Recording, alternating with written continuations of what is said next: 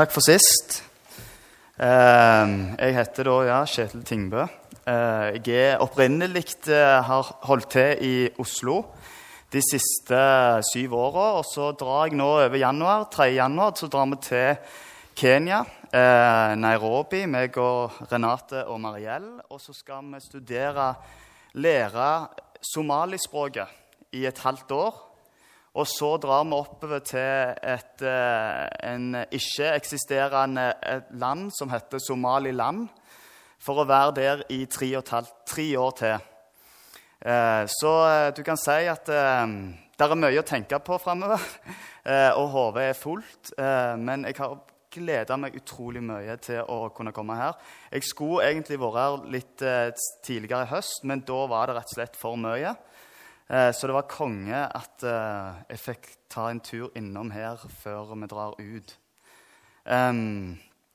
og så ble jeg spurt om å snakke Eller det er jo juleavslutning. Det vil si at det er juleevangeliet som står i fokus. Det er julebudskapet. og så og så var det at, at uh, Arnt Ove spurte meg altså, kan du ikke snakke, kan du ikke på en måte ta en sånn en annen vri på det. Liksom, altså, det er liksom Eh, liksom, det er mye fokus på liksom, korset og den perioden der. Eh, og så på en måte blir det sånn at eh, juleevangeliet havler litt i bakevja.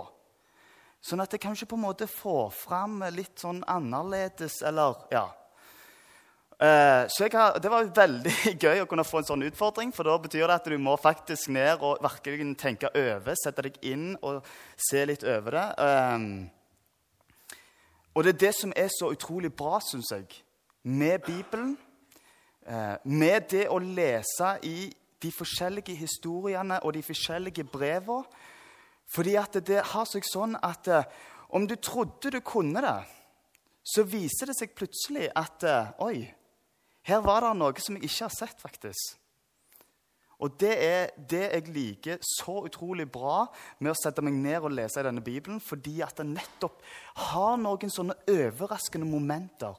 Han er aldri den samme, føler jeg. Og Gud er med når vi leser han òg.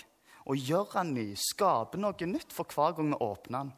Så jeg håper at uh, i kveld at vi òg kan få oppleve det. At uh, julen blir noe nytt for oss i år òg. Eh,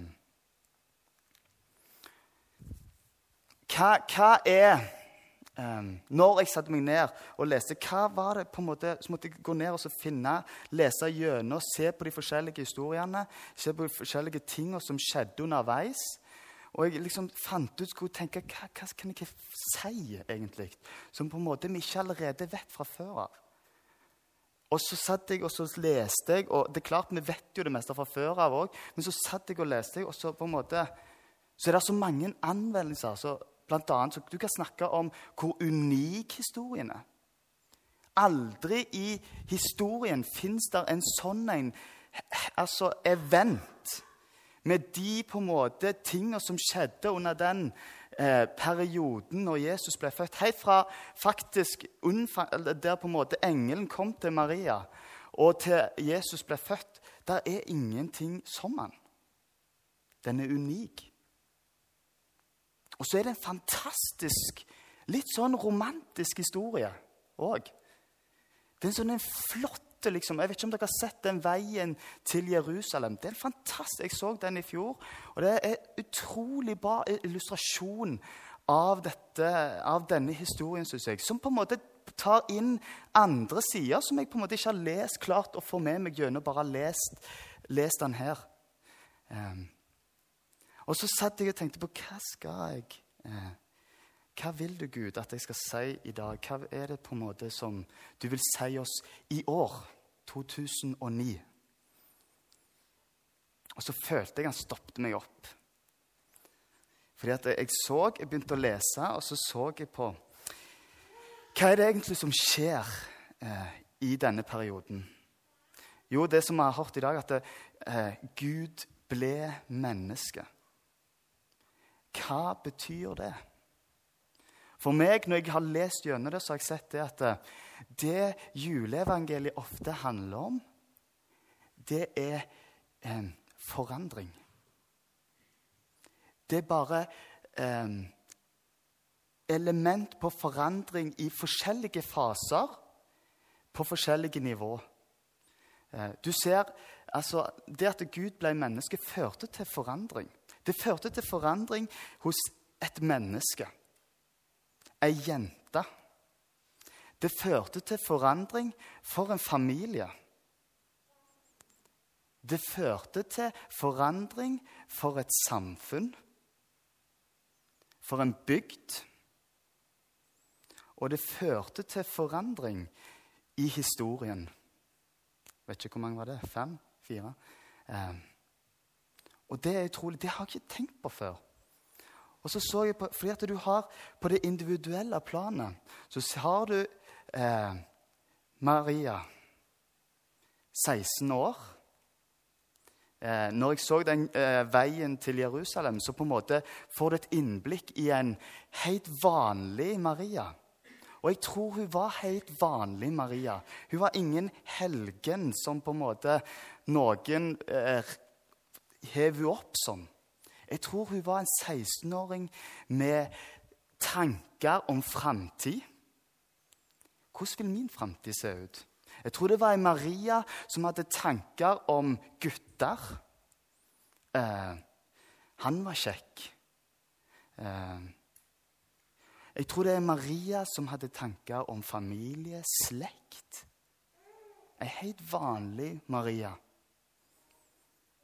Som på en måte går på en vei som kanskje mange av de andre, og som meg, meg og deg òg er. Helt sånn som det. Og så, vi, så skjer det noe. Så er det en Gud i himmelen som sender en engel, og så møter han Maria. Så sier, du, så sier han jeg velger deg, Gud. Jeg, kaller, jeg kaller deg nå. Jeg vet du går på en vei. Jeg vet du går i en retning. Eh, men jeg ønsker Jeg har en oppgave for deg, og jeg vil at du skal gå den veien.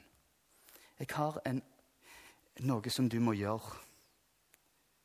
Um, og, og det skjer en enorm forandring hos Maria en enorm forandring i livet hennes. Og hun har en retning, og så må hun gå på en helt annen retning. Som kanskje ikke innebærer de samme tingene som, som ikke innebærer de samme tingene, faktisk, som den retningen som hun ville gått på. Så skjedde det en total omveltning i hennes liv. Gud kom ned, og han forandra et menneske. Gud er nede. Og han forandrer mennesket i dag. Individuelle mennesker. Meg, meg og deg. Akkurat på samme måte. Så ser han at vi er på en vei. Vi har en retning i livet vårt som handler om det. Og så har han lyst til å si til deg eh, Jeg ser du er på den veien, men jeg har en annen vei. Eh, kan du tenke deg å gå på den? Det vil handle om ikke så mye av det som, som det handler om hos deg nå. For min vilje er ikke som din vilje. Men min vilje er det at eh, det som skjer i himmelen, og må skje på jorda. Og det innebærer at det er litt andre ting. Så Gud forandra for 2000 år siden, og han forandrer i dag meg og deg. I våre enkle, hverdagsliv liv, så er det samme store under som skjedde da. Så er det òg i dag et samme under som skjer òg i dag. Um, og så forandrer han i et fellesskap, i, et, i, et, i en familie. Um, jeg vet ikke om dere har lest uh, de på en måte tingene som skjedde rundt når, uh, når uh, Josef fikk vite at Maria var med barn. Og de tingene, fordi at det, det, at hun ble med barn uten at de var gift, det var jo tidenes sjokk. Det var en sånn en handling som var på en måte Konsekvensen av det var egentlig at eh, de skulle steines. De skulle føres vekk fra byen, og så skulle, han, skulle de steines. For det var ikke lov. Eh, og da var det Maria som skulle vært steina. Josef kunne trukket seg ut og sagt at eh, 'jeg hadde ingenting med hun å gjøre'. Og så er det at Gud kommer ned eh, og berører og kaller. Så sier han eh, at det kan være eh, på samme måte som med familielivet. Så kan vi leve det på mange måter. Eh, og, og, det kan ha en sånn retning. Men min retning er den veien. Jeg ber deg om at du må holde eh, fast på Maria. Eh, og at når Gud kommer og banker på, sånn som skjedde, så er det ikke eh, nødvendigvis sånn som vi hadde planlagt. Det ble ikke sånn som Maria og Josef hadde tenkt det. De var trolova. De hadde liksom tidenes vei. Og så, kom, så skjer det som skjer. Og så har han et valg der han kan på en måte bryte opp og på en måte ødelegge hele greia. Men så sier han jeg vil ønske å holde retningen din Gud. Og så går han på den veien. Og så forandres planer, hus Alle tinga forandres eh, i deres liv som familie og som et fellesskap. Og så forandres det som et samfunnsmessig plan. Og det syns jeg er litt stilig, for det, det er så rart, egentlig. For denne her bygda den ble på en måte rasende. Og samfunnet blir rasende i møte med sånne situasjoner. Eh, på grunn av to personer. Egentlig, ja Så skjer det så mye klasj. Så hadde det med at det var to personer som valgte å tro på en Gud, som fikk et møte med Gud, og som berørte dem, som forandra deres liv, og hvor de valgte å følge. Og så skjedde, var konsekvensen av det en opposisjon fra hele samfunnet. Og vet du hva, Sånn tror jeg det er litt. At eh, Jeg tror det enten blir sånn Enten så velsigner vi disse, eller så må vi ta avstand fra dem. I møte med kristne holdt jeg på å si, og den verden som ellers er. Den gudsrike og verdensrike. Det blir en sånn en krasj. Og det ble det for, eh, for det, den bygda i møte med Josef og Maria som, som holdt ved. Som fortsatte å holde sammen. Eh, så ble det en, en berøring, en forandring i hele bygda. Og sånn er det òg i dag. Og sånn tror jeg òg at det er tenkt at det, oss som fellesskap, oss som Guds rike her på jord, så er det meint som at vi, vi skal ha en sånn en forandringskraft der vi er. Eh, der vi forandrer ikke bare individuelle liv og familieliv, men det har en sånn effekt som er på en måte grensesprengende. Som, som forandrer samfunnet. Og det har vi sett masse ting på. altså og, og ser vi òg i dag her i Norge I begynnelsen, når, når kristendommen kom, så var det liksom Det forandra hele Norge. Det har forandra nasjoner, samfunn, byer, bygder. Vekkelser i dag forandrer. Fordi at Gud er med, og han forandrer. Og så forandrer det historien. Og det er noe av det jeg syns òg er mest fascinerende. For hva er det egentlig fødselen er på en måte et tegn på? Det, på si?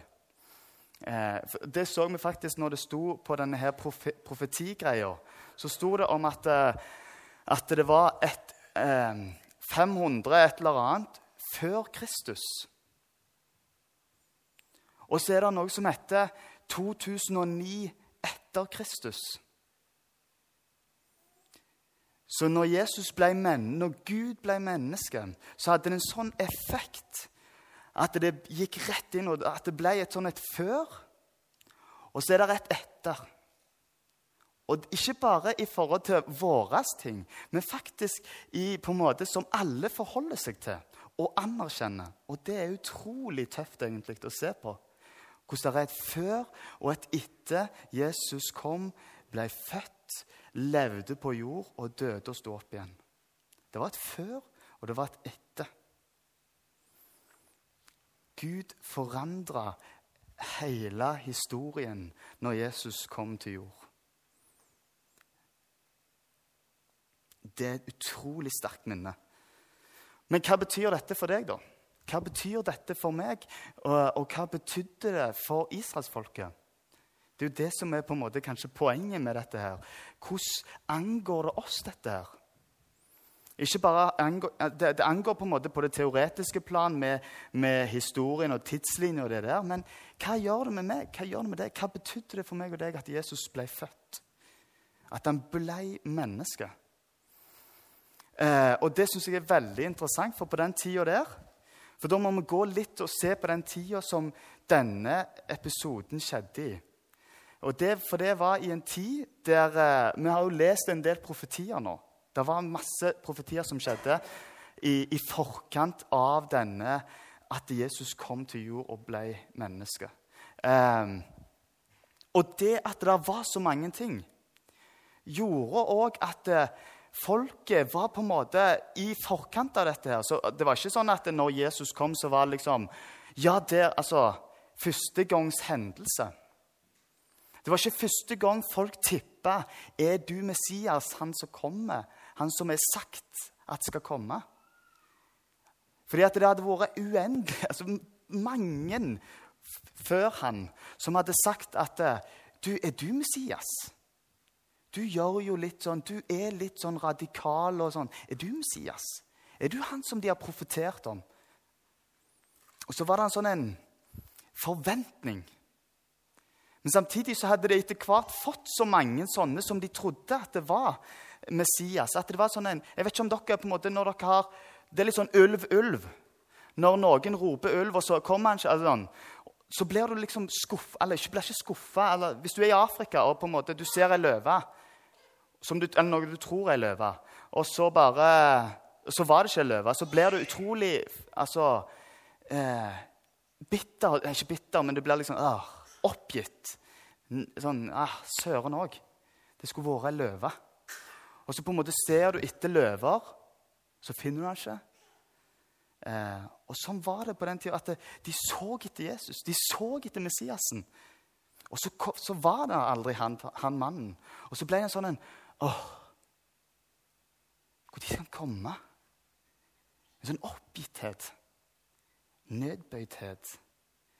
Eh, du mister litt sånn Når eh, skal han egentlig eh, innfri de løftene han har, han har, gitt oss, han Gud? Når skal han innfri de? Og så, og så eh, eh,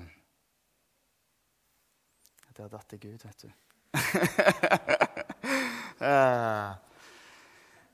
eh, skal han innfri de? Og, så var det en oppgitthet, en nedbøydhet. Uh,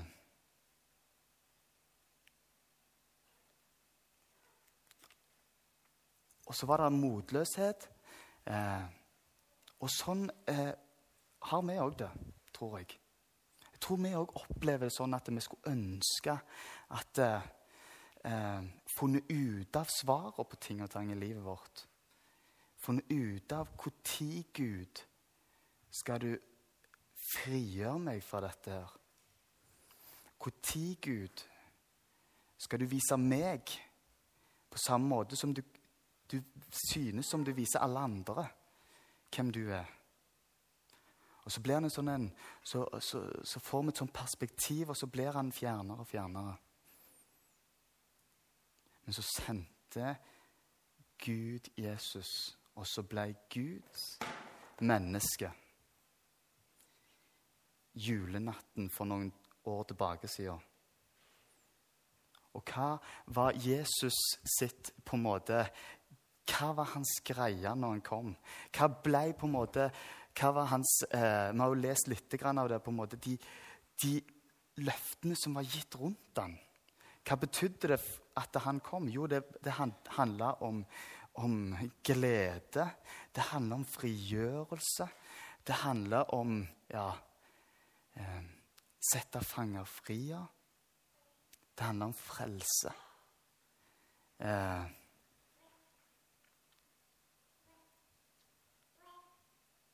og eh, han, han, har, eh, og, han, og, jeg syns det er det beste med Han sier noen ord. Han sier sjøl hva som på en måte er hans tjeneste. Og det er dette der han sier Lukas 4, 18-19, så sier han Herrens ånd er over meg. Dette er, da, er han i Nasaret og på en måte får en bok som han bare leser i synagogen. Og så er dette boka verset han leser opp, i en sånn setting. På en måte Med denne her nedbøyd tristheten og oppgittheten og frustrasjonen så sier han dette. Herrens ånd er over meg, for han har salvet meg til å forkynne godt budskap for fattige. Han har sendt meg for å rope ut at fanger skal få frihet, og blinde får synet igjen. For å sette undertrykte fri og rope ut et nådens år for Herren.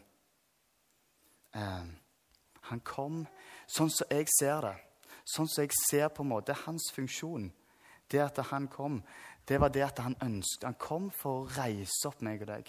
Jeg har hørt et, en tale i, det, i, i en siste som Egil Svartdal hadde. og Den handla om Jeg digga tittelen, altså. Det var 'Oppreist liv'. Og det er så på en måte å naile julens evangeliets budskap. Jesus kom for å reise opp israelsfolket. For å reise opp de som var fortapt. For å reise opp de som var nedbøyd. For å reise opp de som var vemodige. For å reise opp de som var frustrerte på 'hvor er Gud'? For å reise opp de som eh, hadde gitt opp. For å reise opp de som hadde eh, gjort så mye vondt og gale at de følte at det her var det ingen eh, vei uansett.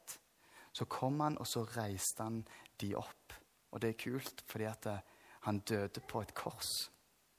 Oppreist. Og jeg syns på en måte det er en link der. For han ønsker å gjøre det med oss òg. Han ønsker å gjøre det med deg og med meg i denne jula og vise oss at når jeg kom, så var det for å ta deg med opp. For å reise deg opp igjen. Og det er grunn til å feire. Det er grunn til lovsynge. Og jeg skulle gjerne vært der på marka når disse englene sang. For de sang om hvordan Gud kom til mennesket for å reise opp meg og deg. Så la oss gå inn i jula med en sånn en eh, tanke, med en sånn en påminnelse om at det handler om hvordan Gud forandrer. Hvordan han forandrer, og hvordan han forandrer meg og deg i dag. Ønsker å forandre meg og deg i dag. Og så ønsker han å reise oss opp. Og så vil vi gå på smeller. Vi vil falle. Helt klart. Eh, men så er det et ordtak som jeg har blitt veldig glad i, som handler om det at eh, eh Det er ikke å falle som gjør deg mislykka, men det er det å bli liggende. Så om du på en måte går på en kjempesmell og på en måte opplever at uh, du er så langt ifra Gud, så skal du vite det at det er ikke å falle som gjør meg og deg mislykka, men det er om du blir liggende. Om du ikke kommer på en måte til Gud med det, og bare lar Han få lov til å reise deg opp der. Det er amen.